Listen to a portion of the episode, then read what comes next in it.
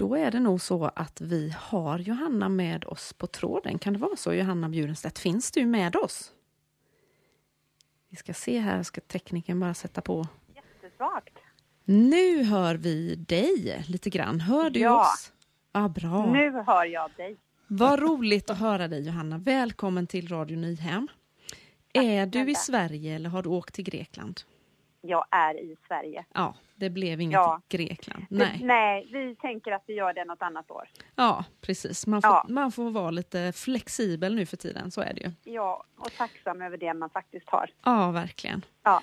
Johanna Bjurenstedt, alltså, vi känner ju igen ditt efternamn från Nyhem eftersom det ändå är... Ja, vad heter, nu tappar jag ju namnet Eh, på... det, det, det är nya musik. Nya musik, exakt, Mm. nya musik. Ja. Där känner man ju ditt efternamn. Men vem är du? Mm. Berätta lite grann om din uppväxt. Ja, men jag kan berätta lite om min uppväxt. Jag är ju född då i, i Jönköping, eller lite utanför, i, i Bankeryd, Trånghalla. Eh, I en familj, vi var fyra, eller är fyra syskon. Och eh, var, jag har ju sedan jag var liten varit med i, i Pingstkyrkan i Jönköping. Och växt upp ja, i en trygg, trygg familj, haft en fin liksom, uppväxt. Så. Mm. Ja. Det var också någonting som skavde lite grann. Visst eh, var det så? Det var inte riktigt helt eh, perfekt allting. Nej, men det, livet är väl sällan perfekt. Men jag tror vad du vill komma åt är väl min, min uppväxt eh, i en frikyrka, alltså i Pingstkyrkan i Jönköping och hur det, vad det kan göra med en och hur, hur det formar en. Och jag vill ju bara liksom egentligen börja med att säga att jag tänker att vi alla bär på liksom saker i vårt förflutna som, som ska, skaver lite grann oavsett liksom vilken kontext man är uppväxt i. Men för mig var ju kyrkan en väldigt trygg plats, det vill jag säga. Jag kände alltid att jag fick utrymme, att jag, att jag var sedd.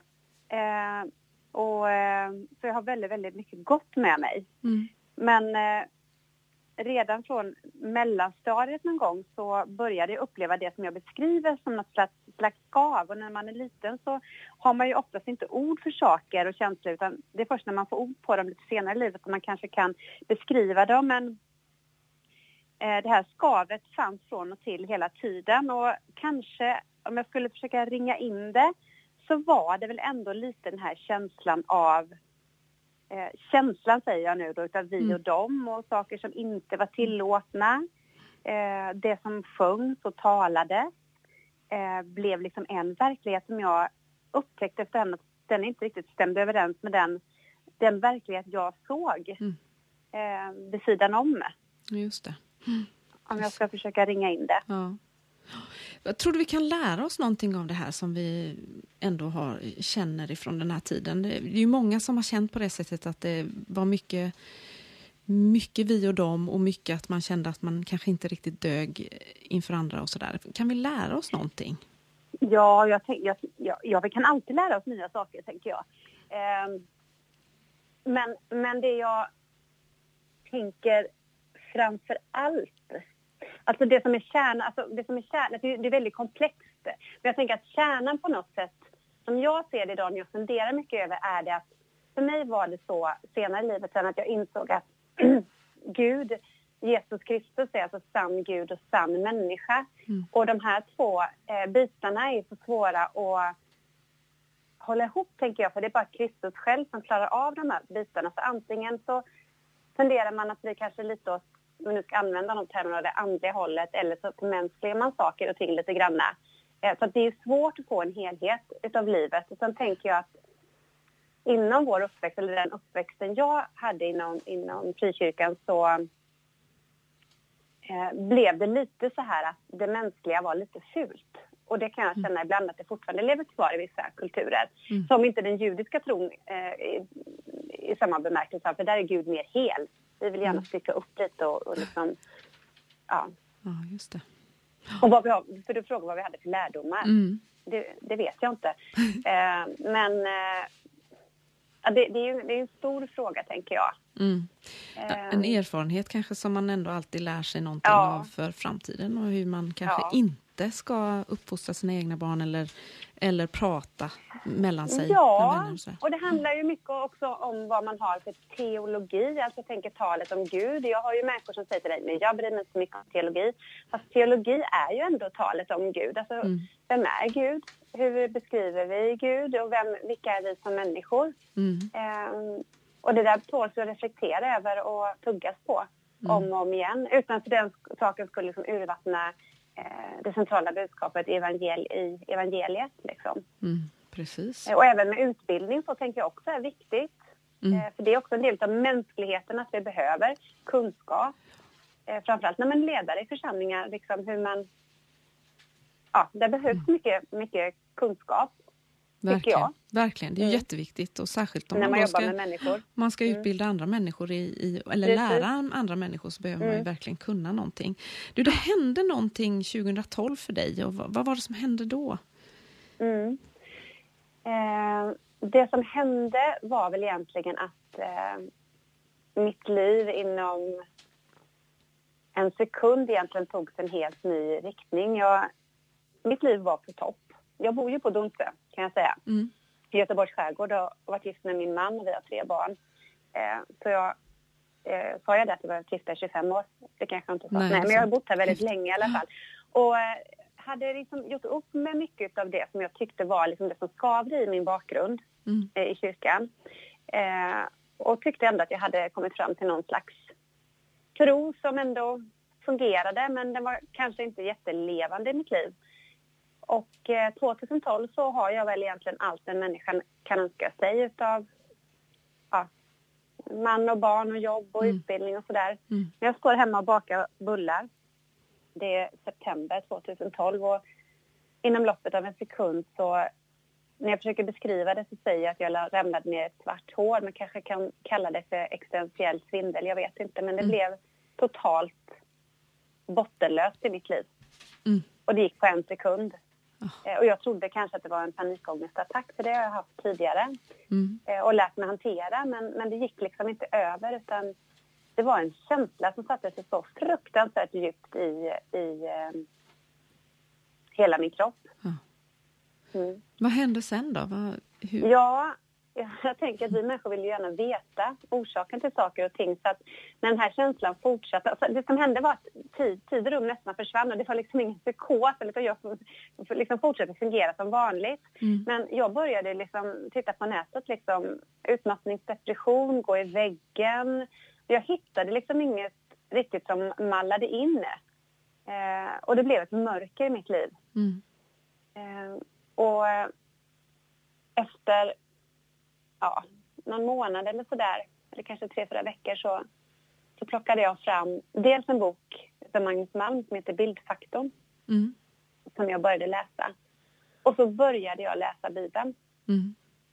Eh, och eh, det första som slog mig, eller det första jag fick uppleva på något sätt, det var när Magnus Malm beskriver här hur vår verklighet är beklädd av bilder. Mm. Alltså bilden av en gud är och bilder av vilka vi själva är. Och jag insåg någonstans att jag, mitt liv och min tro var beklädd utav andra människor.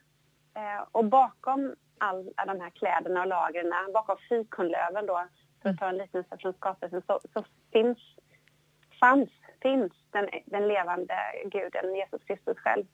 Och jag läste i Matteus om ögat som är grumligt och hur mörkt det blir i ens inre. Så jag insåg mm. ju någonstans att mitt öga var grumligt. Mm. Och, äh, ja. Häftigt. Va, hur, hur förändrades gudsrelationen då för dig? Eller hur, vad hände då? Ja, vad hände? Det var ju en, liksom, det var en process som egentligen med, i backspegeln gick ganska fort på ett sätt. För att jag, jag började läsa Bibeln och det var som att det öppnades upp ett nytt universum. Det var någon som sa till mig i efterhand att, att det måste varit helig ande som har lett dig och jag tror kanske att det var så för jag började som rent systematiskt gå igenom Gud mm. eh, och sen Jesus, sen helig ande. Och om Gud, jag införskaffade mig massa kunskap och läste om vetenskap kontra Gud och sen fick jag över till Jesus Kristus, vad är det poängen med honom mm. och helig ande. Och någonstans i det här så fick jag uppleva det som jag... Jag hade inget annat ord. Jag har faktiskt inte det idag heller egentligen, att säga att jag blev frälst.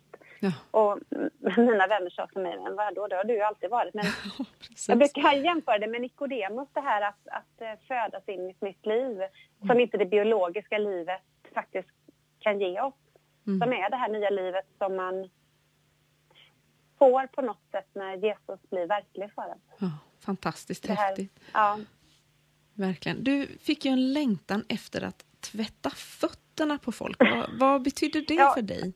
Hade jag sagt, har jag sagt, ja precis, ja, men så var det. Alltså, det var lite, nej, men grejen var ju den att i det här, den här, det här mörkret och då ljuset börjar, Jesus Kristus börjar bli synlig för mig, när de här bilderna börjar liksom flagna bort, så drabbades jag av en enorm kärlek.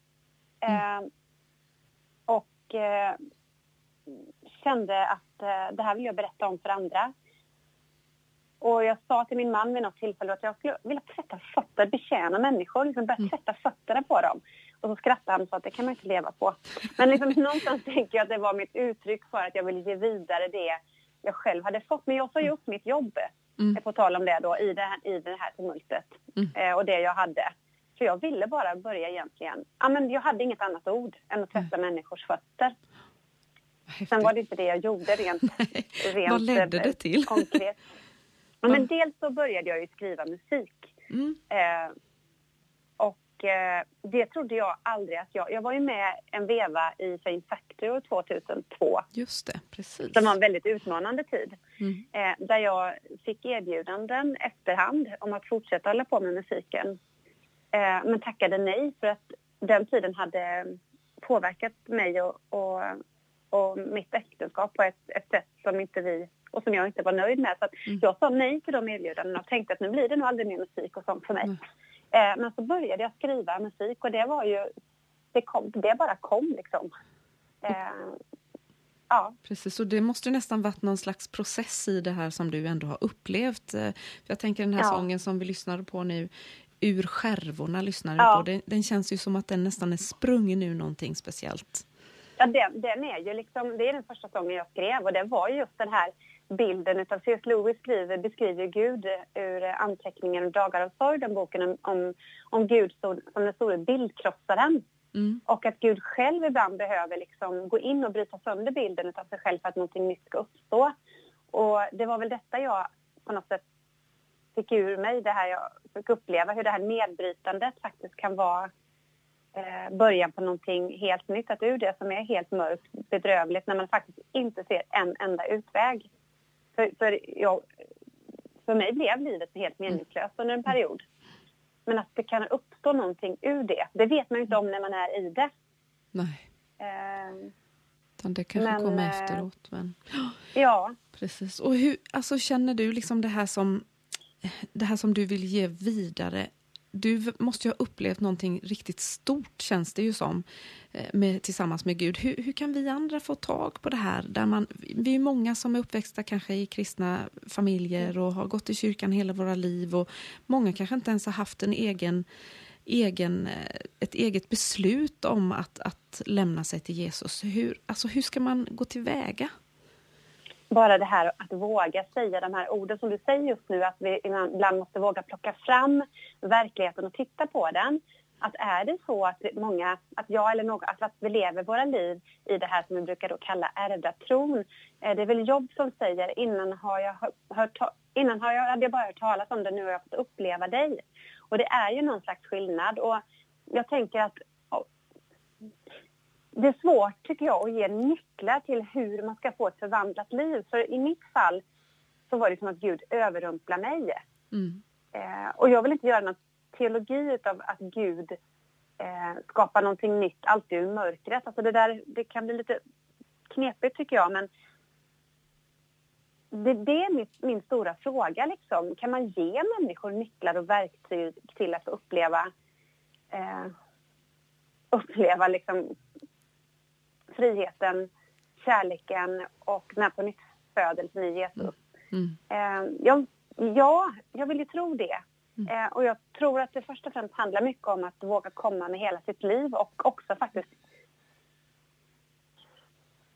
kanske vara så krass som att börja prioritera mm. någonting mer i sitt liv eller plocka bort och framför allt titta på hur Jesus levde och de utmaningarna han ger oss i, sina, i de evangelierna vi har nedskrivna. För de är ju mm. väldigt utmanande. Mm. Eh, så våga prova mm. Eh, nya vägar och, och det låter lite flummigt det jag säger, för jag tycker, det är, jag tycker det är en svår fråga. Mm. Ja, men det var ändå ganska mm. tydligt, alltså att man faktiskt tar sig tid, eh, kanske läsa lite mer bibel och kanske läsa en bok som handlar om någonting som man vill gå vidare med. Du, en av sångerna som vi ska lyssna på här nu eh, är min favorit av dina sånger och det var ja. ju faktiskt när du var på Nyhem och, och sjöng den sången så drabbades jag väldigt eh, mm. nära utav den fantastiska mm. sången. Berätta någonting kort bara. Han nämner dig vid namn. Varför kom den?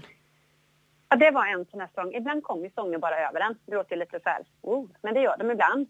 Och ibland så får man verkligen jobba intensivt med en sång för att få ihop den. Mm. Men den här, den, den verkligen bara kom. För jag satt i soffan hemma i vårt vardagsrum och, och var i någon slags kommunikation med Gud som nog var en ganska mycket utav en envägskommunikation. Mm. Att jag liksom bara ja, välde ur med allting. Och så faktiskt rent konkret eller tydligt så ser jag Jesus, Jesus en bit framför mig. Liksom när han sträcker ut sina händer mot mig så säger han mitt namn. Mm. Jag kan liksom... Jag nästan hör det, så säger han det gång på gång. Johanna, Johanna. Och det är inte som när tandläkaren ropar upp ditt namn eller som när barnen ropar utan det var, det var på ett sätt som jag inte hade hört mitt namn sägas innan och då slungades jag tillbaka liksom till psalm, eh, psalmen som David har skrivit. Mm. 139, att Herre du utrannsakar mig och du känner mm. mig. Eh, och det blev så tydligt i mitt liv. Oh. Eh, jag är redan känd. Gud vet allting om mig. Spännande att höra om ditt liv lite grann, Johanna. Tack så hemskt mm. mycket för att du var med oss. Tack för ja, att du ringde att in. Fick nu, vara med. Ja, var, jätte, ja. Vi hade kunnat prata i timmar känner jag. Ja, men vi ska, vi ska lyssna på den här Han nämner dig vid namn och sen hoppas vi att vi ses nästa år på Nyhem. Ja, men det hade varit trevligt. Ja, verkligen. Ha det gott så Detsamma. ses vi. Tack snälla du. Tack.